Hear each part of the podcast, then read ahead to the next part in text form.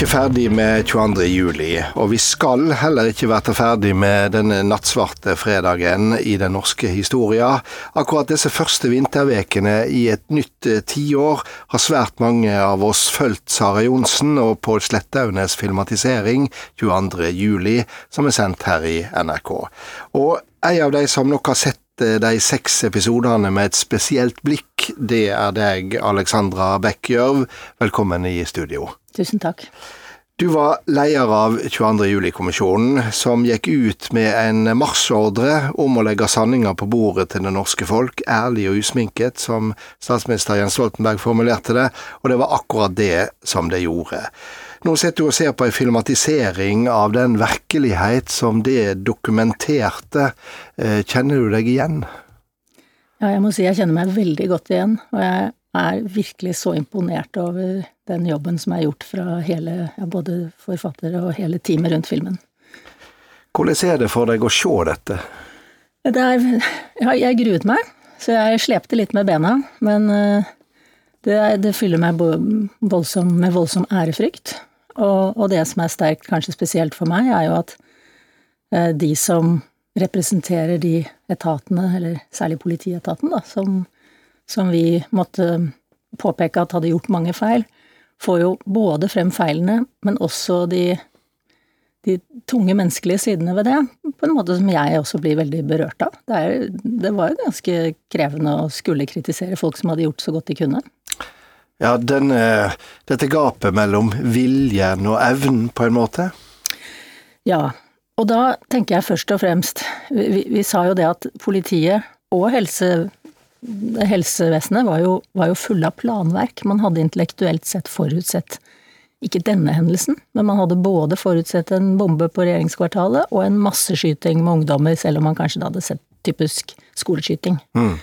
Så, så, sånn sett, i omfanget av katastrofe var det forutsett, og det var planverk, men de ble ikke tatt frem når det skjedde i politiet. I helsevesenet ble de tatt frem og fungerte veldig godt. Ja, for der peker jo den kombinasjonen som du leier på mm. en veldig stor kontrast mellom helsevesenet, som fungerte, politiet, som eh, var en katastrofe. Ja, langt på vei må man jo kunne si det. Og, og jeg, jeg, tenker at når man nå skal lære for fremtiden, så så vi jo at helsevesenet hadde gjort mange øvelser, mange erfaringer, og hadde organisert seg til å ha ledelseskapasitet til å håndtere en sånn stor hendelse. Mens politiet hadde planverk, hadde egentlig mange øvelser som indikerte at dette kom til å skje, men hadde ikke internalisert den læringen og gjort grep som, som ville gjort det lettere for de som var i den skarpe enden av situasjonen.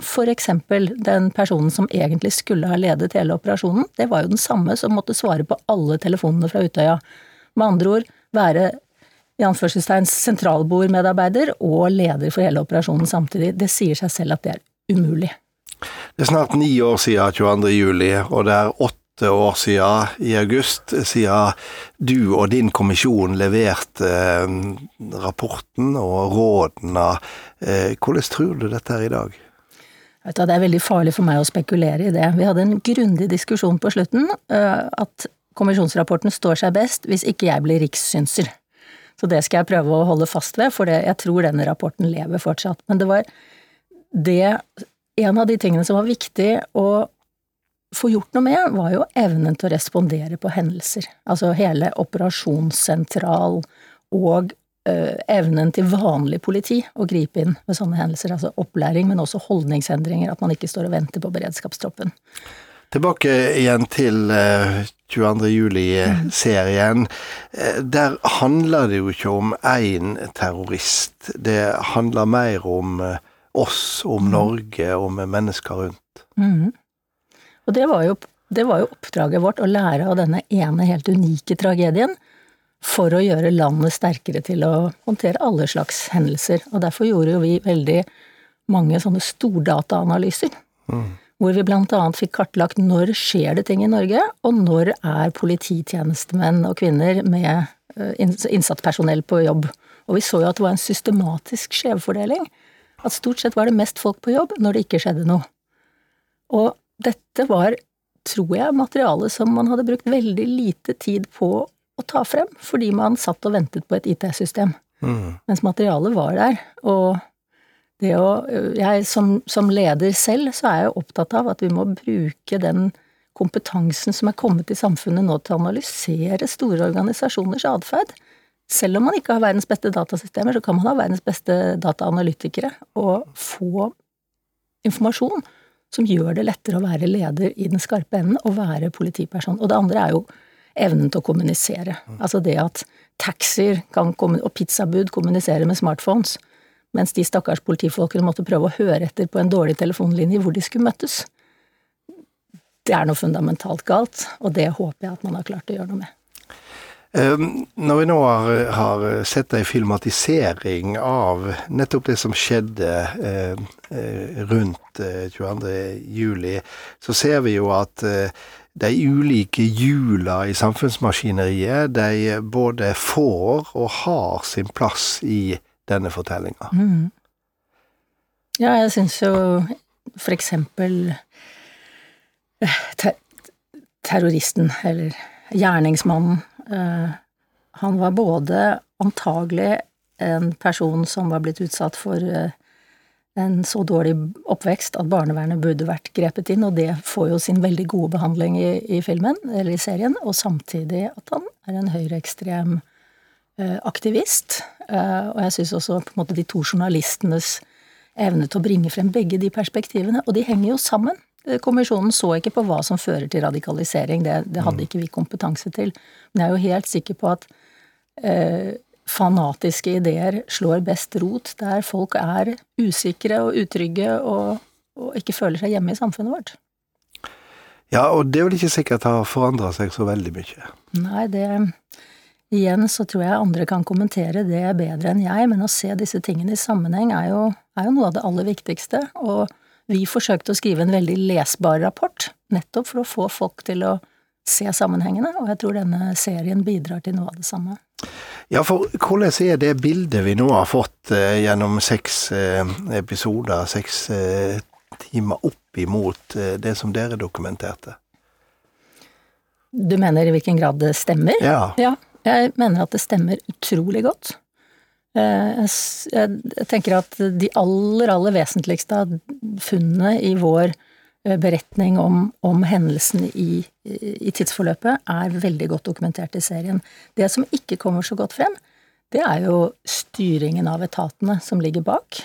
Eh, på en måte det at man ikke iverksatte planverk, at, at man ikke klarte å sette en skikkelig ledelse, at man forsøkte å overføre ledelsen fra Vestre Viken til Oslo politidistrikt og ikke lyktes med å gjennomføre det. Mm. Det er ganske viktig hvis man skal forstå selve etaten og hvordan den kan bli bedre.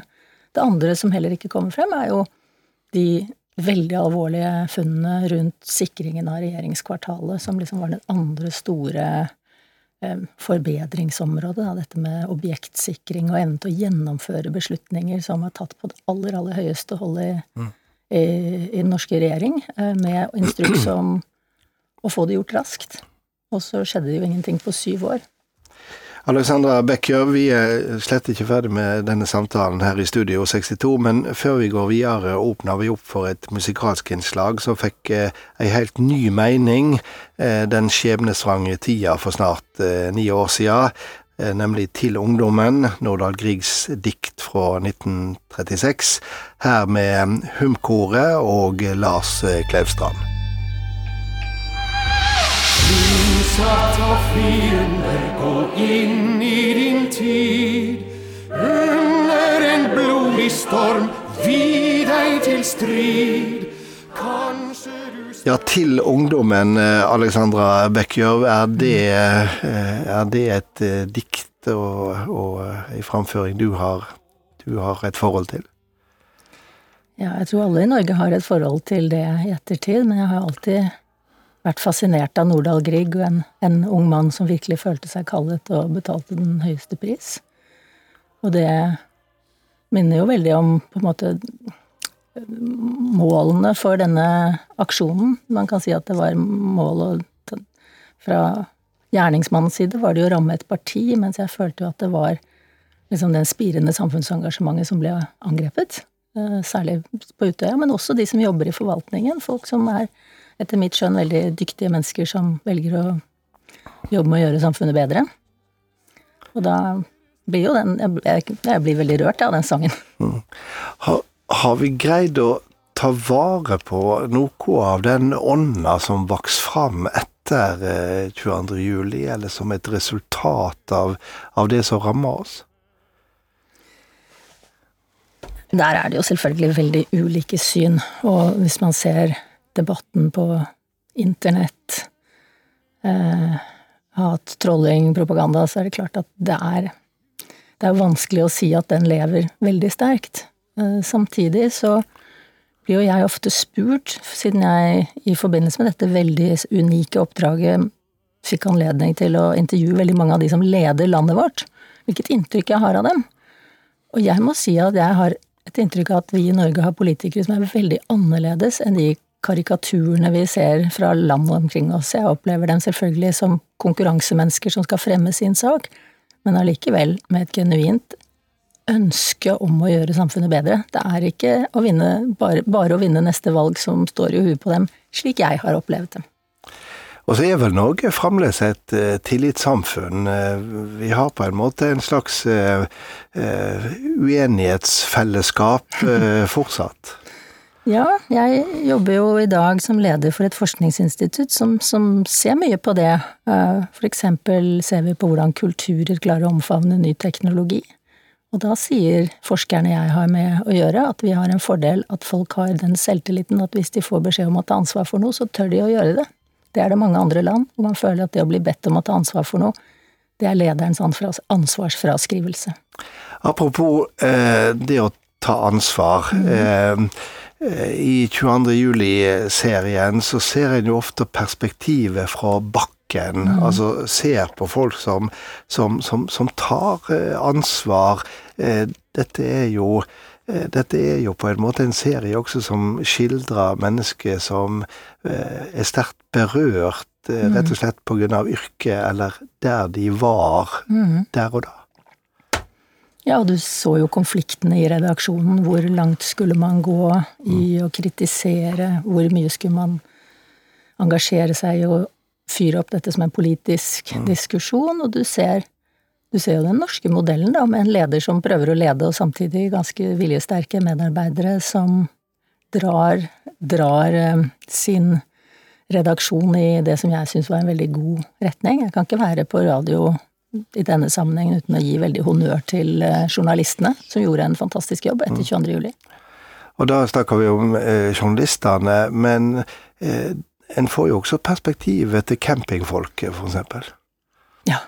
De, de, som helt uten noe oppdrag tok et enormt ansvar og utsatte seg for eh, livsfare, og reddet veldig mange i vannet. De um, Om de har fått tilstrekkelig honnør, det, det vet jeg ikke, men de fortjener det i hvert fall. Jeg er glad det kom ganske godt frem i denne serien.